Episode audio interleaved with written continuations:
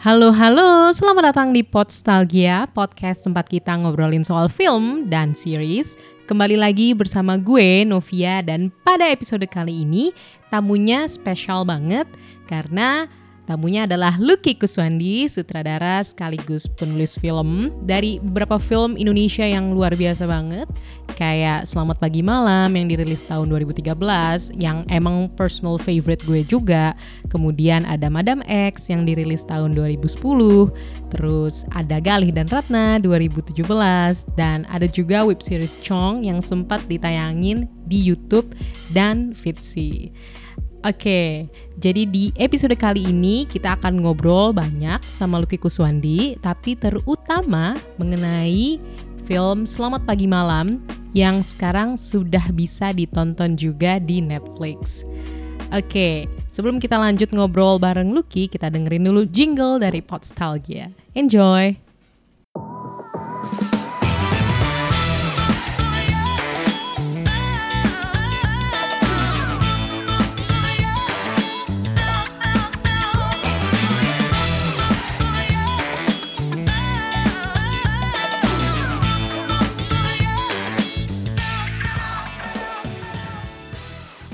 Awal ide filmnya itu dimulai tahun 2005. Dulu gue sekolah di Amerika, kemudian gue pulang ke Jakarta.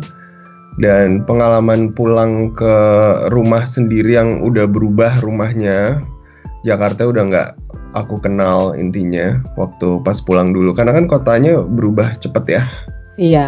Gitu. Jadi itu pengalaman yang lumayan mengesankan sih gitu. Jadi akhirnya um, melihat kota sendiri tapi dari kacamata uh, luar gitu kesannya gitu. Kayak gua nggak merasa belong di Jakarta waktu itu gitu. Jadi uh, dan kebetulan kalau baru pulang kan banyak uh, jet lagnya ya. Iya. Jadi uh, sering banget gue akhirnya malam-malam kebangun gitu. Terus teman-teman gue banyak banget yang emang anak malam ya udah jadi kita kayak keluar keliling gitu. Terus gue mulai melihat aja sih kayak wah Jakarta seru banget kalau malam karena beda banget sama siang ya gitu. Kalau siang tuh gue ngerasa kayak uh, kotanya menuntut kita untuk uh, mencapai sesuatu gitu untuk bekerja mendapatkan apa. Ya kepentingan-kepentingan inilah. Tapi ketika ketika udah malam in a that very short period of time gue mulai melihat bagaimana masyarakat menggunakan kotanya untuk uh, keindahan gitu loh. Kayak misalnya ada yang di tengah-tengah jalan main badminton gitu atau tiba-tiba jalannya mereka pakai buat trek-trekan gitu. Hmm.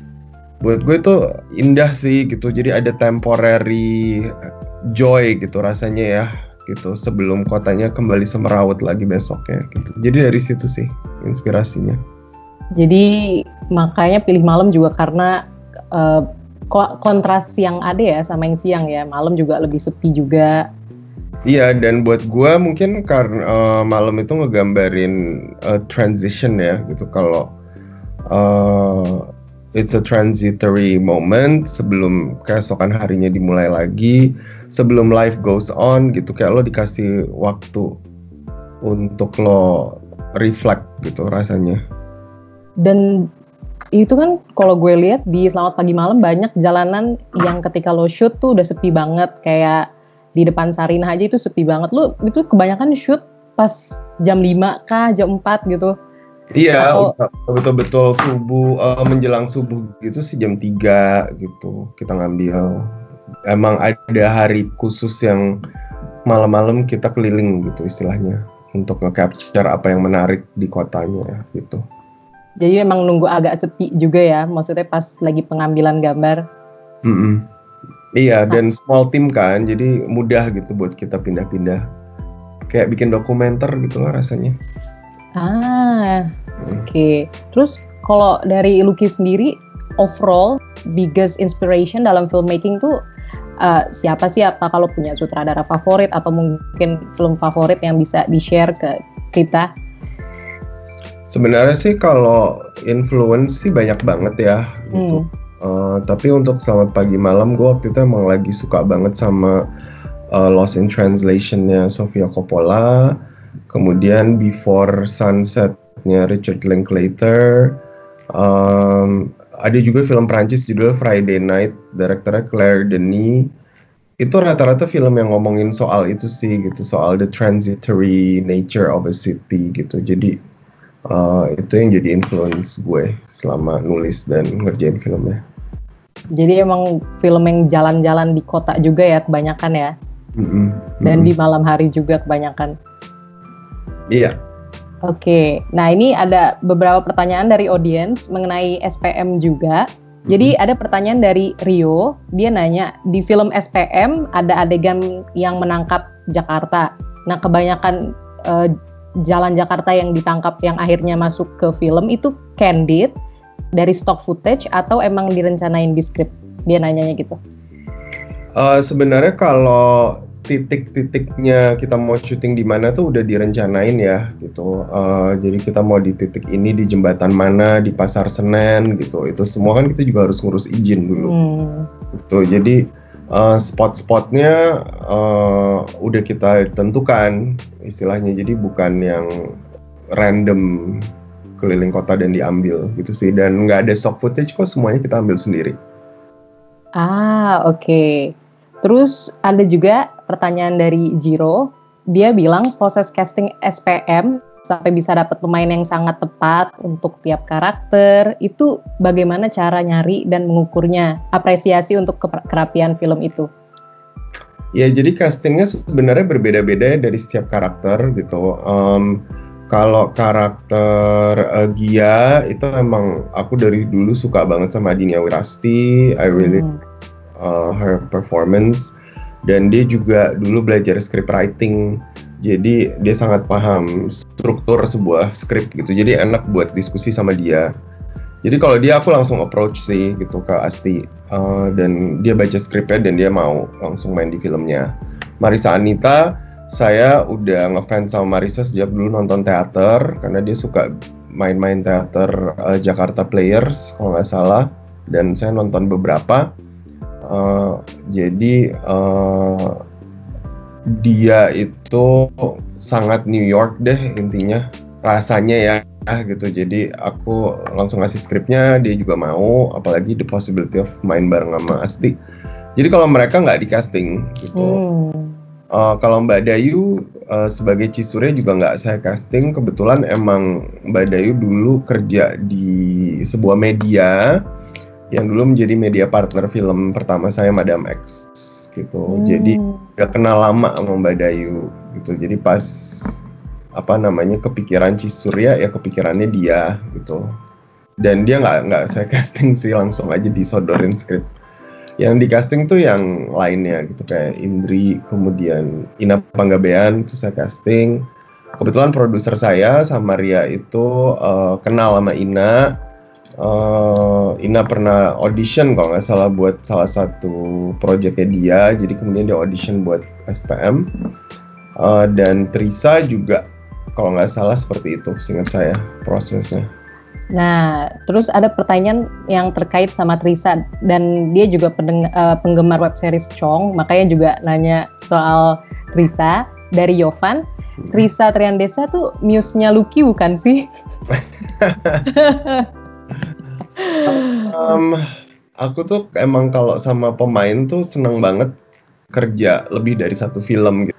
Um, jadi Trisa emang he's such a good actor, it's so easy to work with, nyaman banget kerja sama dia dan dia orangnya total banget uh, dan underappreciated gitu aku rasanya gitu kayak I wish uh, dia lebih banyak main film gitu jadi pertama kali kerja sama dia di si, uh, eh, SPM kemudian saya juga pernah bikin short film buat branded content juga dia saya main di situ kemudian di series Chong jadi emang I like the people that I work with and I try to work more than once gitu sih. Hmm.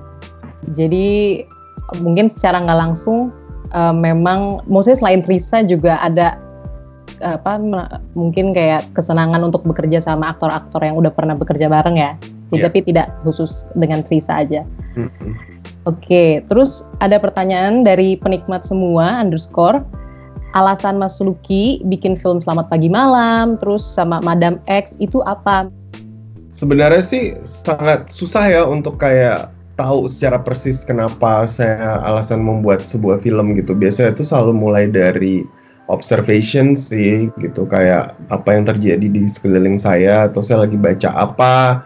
Kemudian ada apa ya isu apa yang mengganggu gitu istilahnya buat saya yang saya merasa wah kayaknya kita harus ngomongin ini nih gitu. Jadi sebenarnya lebih dari itu sih. Kayak pas zaman Madam X aja tuh juga lebih dari awal eh, awal-awal mula adanya ormas-ormas yang uh, yang sangat apa ya anti keberagaman gitu. Nah itu kan mengganggu banget ya buat saya gitu. Jadi akhirnya kayak kita harus ngomongin ini gitu. Jadi um, sebenarnya lebih dari reaction sih bikin film itu reaksi dari apa yang saya lihat dan saya alami. Jadi observasi dan lebih dari reaction itu ya.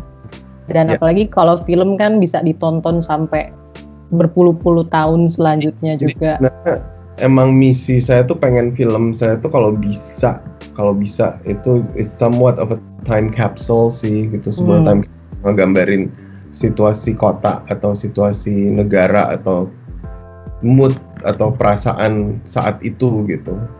Jadi nanti kalau nonton lagi 10 tahun ke depan misalnya uh, oh ternyata dulu tuh seperti ini gitu kayak Madam X aja sampai sekarang masih diputar gitu. Saya juga sampai bingung kok sampai sekarang masih keliling filmnya gitu karena ternyata sekarang jadi jauh lebih relevan daripada dulu gitu. Jadi um, seneng sih kayak gitu gitu. Kalau filmnya punya umur yang panjang.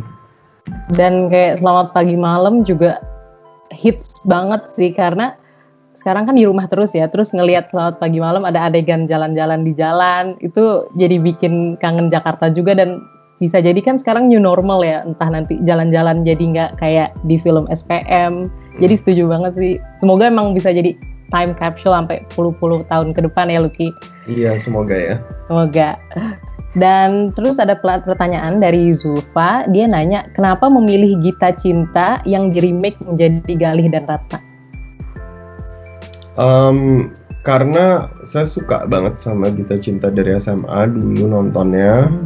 Uh, dan uh, apa namanya I like the simplicity of it gitu. Dan bagaimana uh, kisah cinta remaja itu tuh nggak uh, harus meledak-ledak nggak harus heboh gitu nggak harus menye-menye tapi actually bisa sangat subtle dan sangat dewasa gitu ya cara memandangnya gitu dan saya juga tertarik sama masa-masa remaja sih karena menurut saya masa remaja itu masa yang transisi gitu yang kayak kita nggak tahu kita mau ke mana arahnya masa depan kita kita harus membuat pilihan-pilihan besar gitu ya kesannya nah itu sih yang akhirnya dieksplor di Gali dan Ratna jadi nggak cuma kisah cinta ya tapi memang pilihan hidup itu juga mm-hmm. jadi kisah yang menurut Lucky menarik mm-hmm. untuk diangkat mm-hmm. oke okay. terus ini ada pertanyaan dari Ed Mahfud 1303 dia nanya soal SPM lagi balik lagi kok tiga pemeran utama nggak dikasih satu frame gitu katanya mungkin karena I see them as the same person sih gitu tiga orang ini gue ngerasa kayak mereka tuh mereka sebenarnya sama cuman uh, dalam tahap hidup yang berbeda aja gitu kayak misalnya Gia itu bisa kalau kelamaan di Jakarta dan akhirnya melupakan mimpinya dia bisa jadi Naomi gitu dan Naomi kalau kawin sampai tua itu bisa jadi Cisurya gitu. Jadi I always see them as different stages in life gitu. Jadi aku nggak merasa perlu gitu kalau mereka tuh jadi satu gitu sih.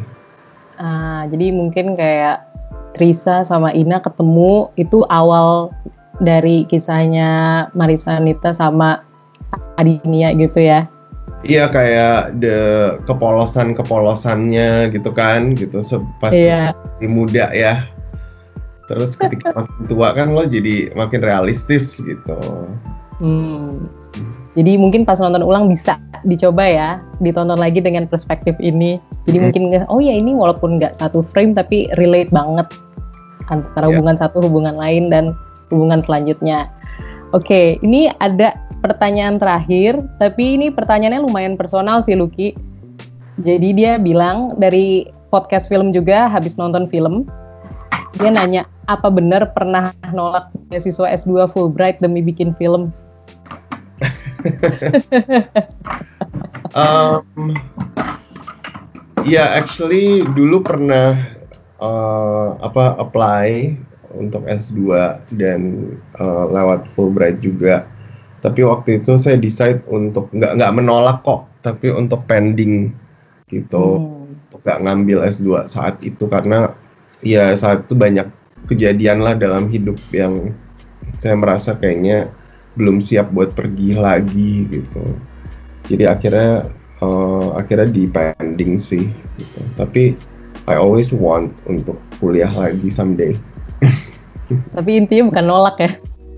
Nggak, nggak nolak sih, tapi menunda. Menunda ya. Untuk bisa lanjut lagi harus apply lagi. iya bener, seleksi lagi ya. Oke, itu adalah akhir dari episode bersama Lucky Kuswandi. Terima kasih kepada teman-teman yang sudah menyumbang pertanyaan untuk ditanyakan ke Lucky. Pertanyaannya mantep-mantep banget dan mohon maaf tidak semua pertanyaan ditanyakan karena terkendala durasi. Terus terima kasih juga untuk teman-teman yang sudah mendengarkan hingga titik ini. Semoga obrolan di episode ini bermanfaat bagi teman-teman. Terus kalau teman-teman mau ngobrol lebih lanjut bareng Podstalgia atau mau kasih kritik atau saran lainnya bisa banget langsung ngobrol atau mention kita di Twitter dan Instagram di @podstalgia atau kalau misalkan agak panjang bisa banget langsung email ke podstalgia@gmail.com. Terus kalau misalkan teman-teman anaknya lebih visual, bisa juga nonton episode kali ini di YouTube-nya Podstalgia. Langsung aja search Podstalgia, nanti klik channelnya dan langsung ada video bareng Lucky Kuswandi dan tentunya episode-episode lainnya. Oke, okay, that was it. Terima kasih sekali lagi dan sampai jumpa di episode selanjutnya. Bye-bye.